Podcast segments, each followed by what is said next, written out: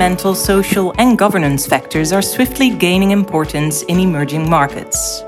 Although the challenges may be different than in developed markets, one thing is certain.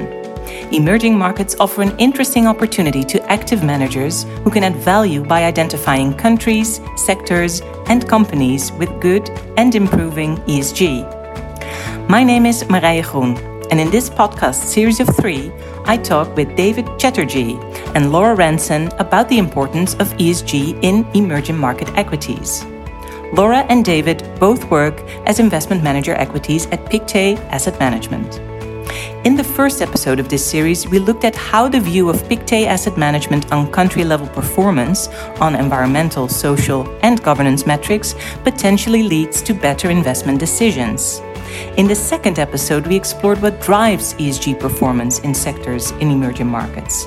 And today, in this third and final episode, we'll talk about the diverse array of ESG challenges that exist in emerging markets and the critical role of engagement with emerging markets companies.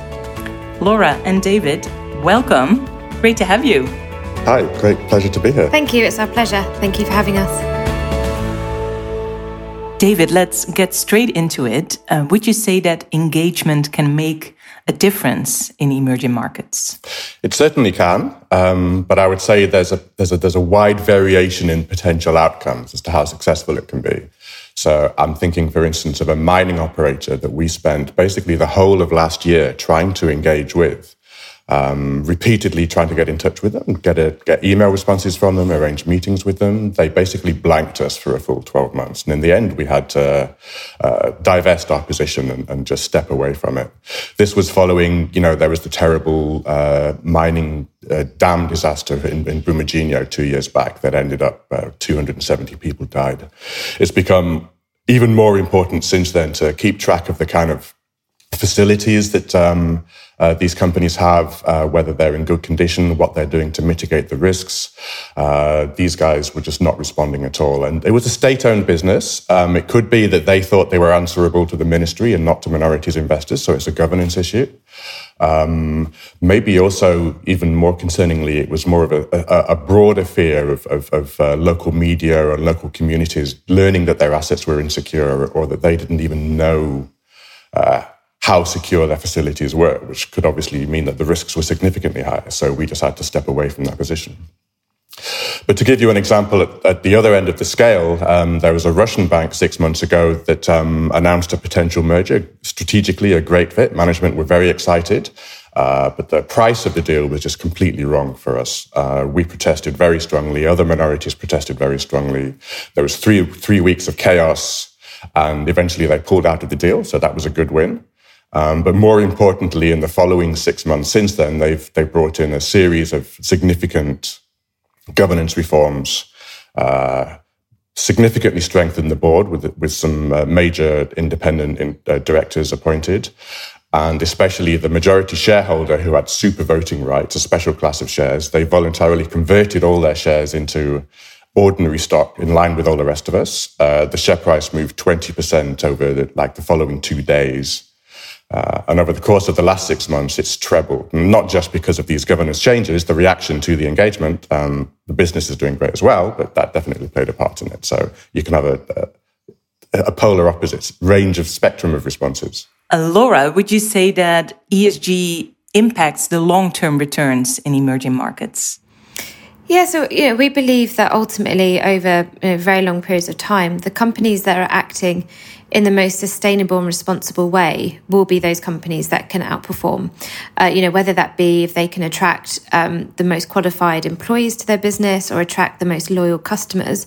Uh, you know, we do believe that those acting in a responsible manner to all stakeholders uh, will have longer term um, you know successes over those that aren't and it will also help you know deepen their competitive moats and strengthen their competitive position so yeah in short we do um, whether that plays out over the kind of the medium term we'll see but we do believe that you know for the very long term those companies that are considering all stakeholders will be the ones that succeed and David, how do you look at ESG impact on long-term returns? Well, I mean, so think to, if we think of some examples about that, um, I mean, obviously the longest term cycle will be the uh, the, the, fossil fuel issue or, or, or, the species extinction issues, which are going to play out not only over hundreds of years, but maybe hundreds of thousands of years with vast implications for the economy and for capital markets. Uh, but to give you a, a slightly shorter term uh, issue. If you think back to the global financial crisis of 2008, ahead of the crisis, uh, countries in Central Europe were booming, exports were strong, currencies were strong, people were borrowing in, in foreign currency because the interest rates were lower and, and the, the currencies were moving in their favor, so the value of the debt was decreasing. So you had a big boom in Swiss franc or in euro mortgages in central, several countries in Central Europe. And obviously, post crisis, that became a giant social issue because the debt was moving in the wrong direction. Um, so, for instance, in Hungary, you saw six or eight years ago a big cleanup, very expensive. The banks had to make good all the stress that the borrowers were under. Uh, the Polish banks put this off, still haven't fixed the problem. They're now finally grappling with it this year. Uh, but so, so this big social overhang for the banks running for like a decade has made a big difference to returns in that part of the world. So that the, the Hungarian sector has outperformed the Polish sector by two to three times. Uh, there are other reasons as well. There's governance issues. The Polish government is, is being much more hands-on in terms of churning managements in the Polish banks, but that's you know, that's also an ESG factor that's playing out over several years. So uh, these can these can be issues that run and run for for long periods of time, for sure. And, and we talked uh, engagement already earlier, uh, David. But is this a situation where engagement can also play a role? In this particular case, I mean, you would certainly like to think so. Us and many investors have been raising these issues with management for, for, for, the Polish banking sector over, over, over many years. Uh, in this case, no, because their commercial incentives worked against uh, fixing the problem. They thought it would be better to put off the problem for as long as possible. So actually now they're looking to settle with their borrowers because of, not because of us, I have to say, because of their actually uh, court judgments from the European Court of Justice that have tilted the balance of risk in the Polish court system. Uh, so the lesson there for managements is, I mean, given the uh, they are eventually having to pay large amounts of money to deal with this, so they could have dealt with this years ago. So uh, maybe for them, they will learn from this that an ESG framework will help them get to this point a little faster. And maybe next time they'll listen to us a little earlier, but we'll have to see. Exactly. Uh, Laura, do ESG issues directly influence in which companies you invest? Yeah, definitely. But it's it's a part of the process. So you know, we look at ESG throughout every stage of our investment process. So even from the very initial stages of research, we will be looking at these ESG factors. Um, you know, and we we will look at everything from you know the governance of the company how that compares to peers what it compares to like the other companies we own in the portfolio obviously all the social side.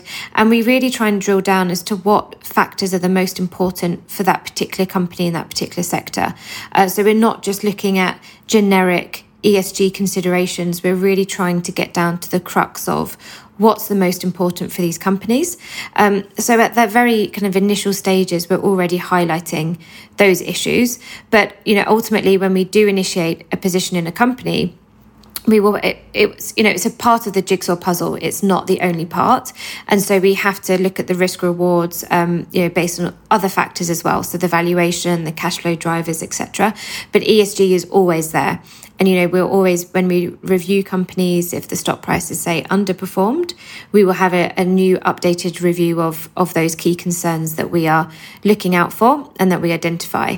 And it also helps really frame the discussions with management as well, because when we f- first meet the management teams of the companies that we're researching, uh, you know, it's a very good way to really drill down to what's what's important to us and um, for our investment process and what factors we want to start engaging with them with, you know, right at the very beginning stages. Right, and and how's that for you, David? Anything to add? Well, so to give you a, a, a, a, fairly live example, Turkey is going through one of its periodic economic crises. Uh, we have been looking at opportunities in that space. Uh, the, the, state, I'm giving you another bank example because that's a sector that I spend a lot of time on, but the, the state banks in Turkey are crazy cheap nowadays. They're on 0.2 times book. Uh, they're under three times earnings. But we would consider them uninvestable from an ESG point of view. They used to be really strong businesses, very profitable, conservatively managed. But over the course of the last decade, the government has become much more hands on and they've become a tool of government stimulus policy for the economy. Governance has become much worse. Return on equity has crashed.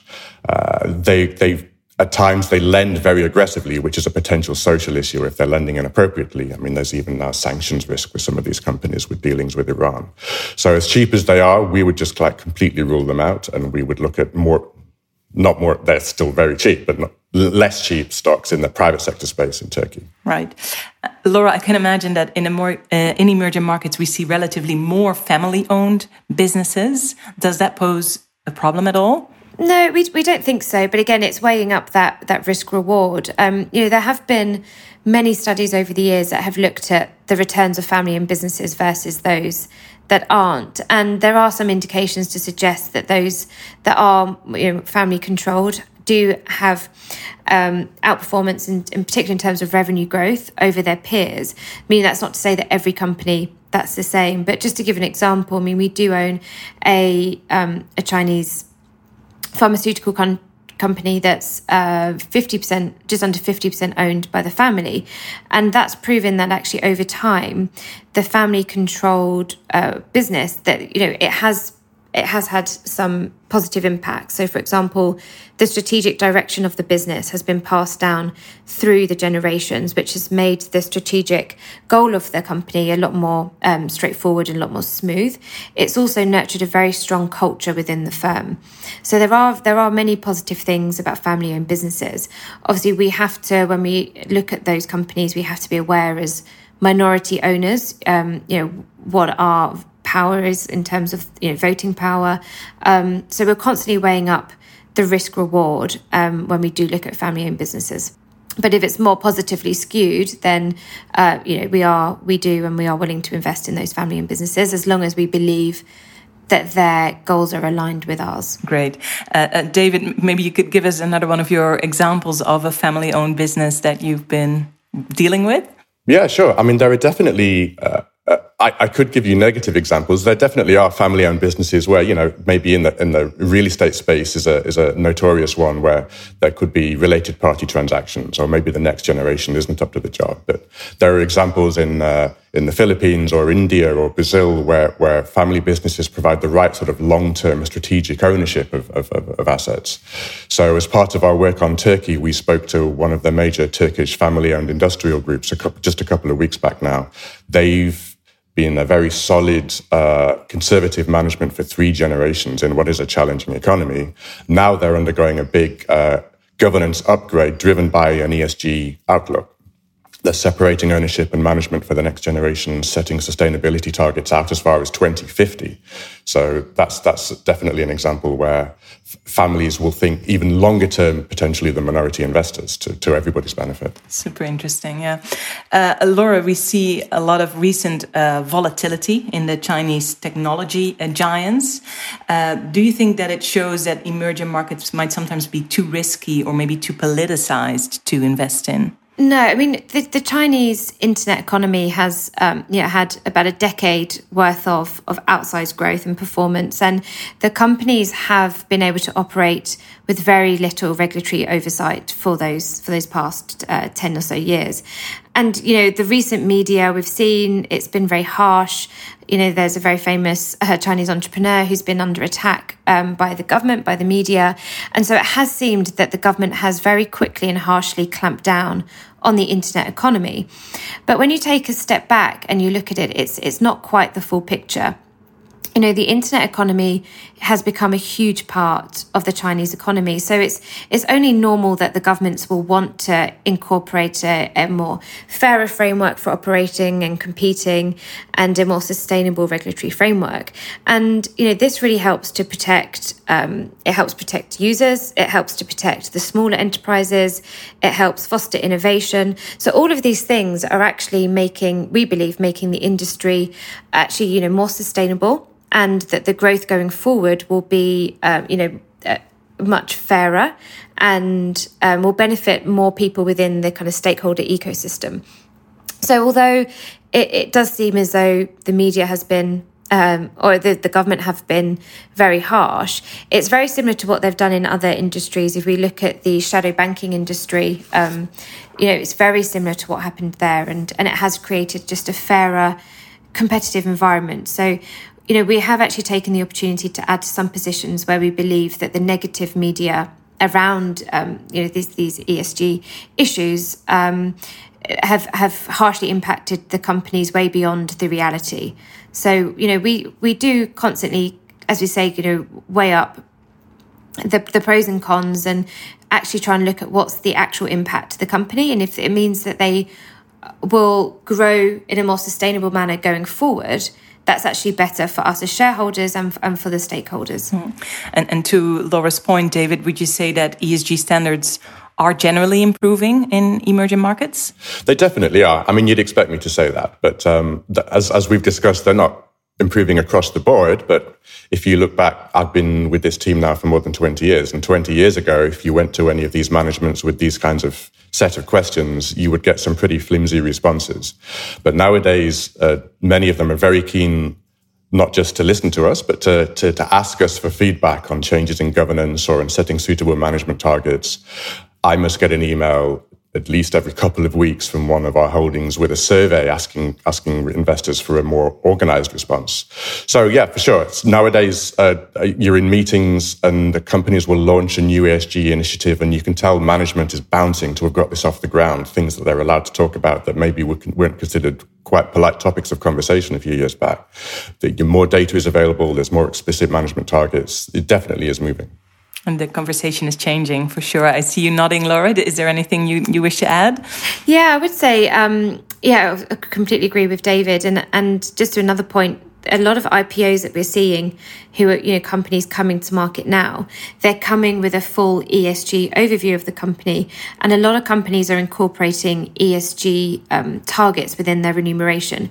So it's definitely is changing. And if these newer companies are coming to market, um, you know, with them, I think other companies will look at those those newer companies who are more, you know, selling themselves to be more aligned with shareholders, and we'll see that, and hopefully that will just kind of help up the standards. Um, and I would say that the the stock exchanges as well, they do have a very big part to play in terms of ESG disclosure. I mean, at the moment, obviously, we look across emerging markets, so the ESG requirements, say on the Nasdaq, are very different to those on the um, Indian stock exchange, etc.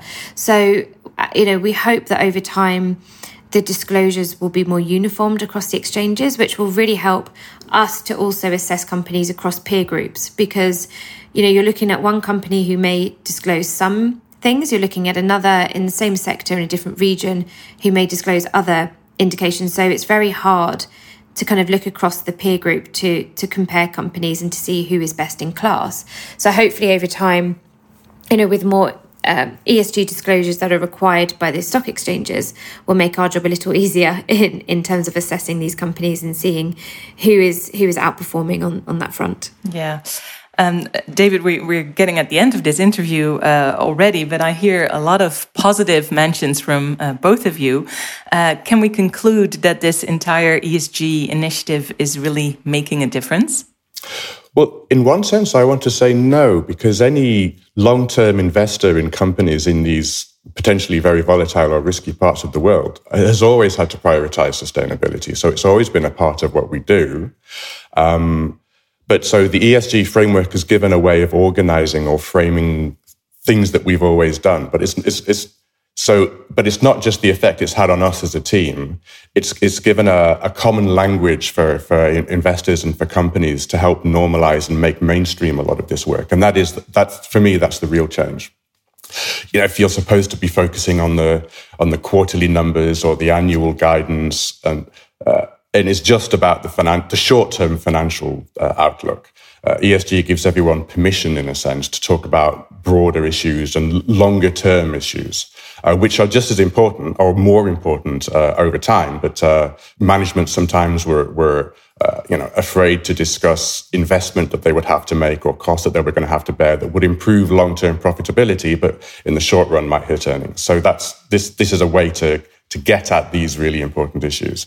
It's actually been really interesting. Soci- I'm not a sociologist, but this transition that suddenly everyone is now, not suddenly, but over the course of a small number of years, everyone is now flipped to taking these things much more seriously. It's actually quite cool. Um, the momentum is really there, right? For sure. Yeah. For sure. Yeah. And look, if you if the, the, the, standards are definitely not at the same level in emerging markets as developed markets, and if you want to invest as an investor or an allocator, you think that this is this is the level of, of, of, ESG standard that you're willing to tolerate. I can't say that you're wrong necessarily to say that emerging markets are not for you. But if you do want to invest in a way that, that, that contributes to lifting up those standards, ESG is now a, a constant subject of debate with corporates in this part of the world, and the commitment is real. And we see it impacting returns. Wonderful. Well, thank you so much, David. Thank you, Laura. It was a pleasure talking to you. Thank you so much. Thank you. Thank you for having us. You listened to a podcast about what drives the ESG performance of emerging market companies. I would like to thank today's guests, David Chatterjee and Laura Ranson, for their time and their insights. This podcast was offered to you by Pictet Asset Management.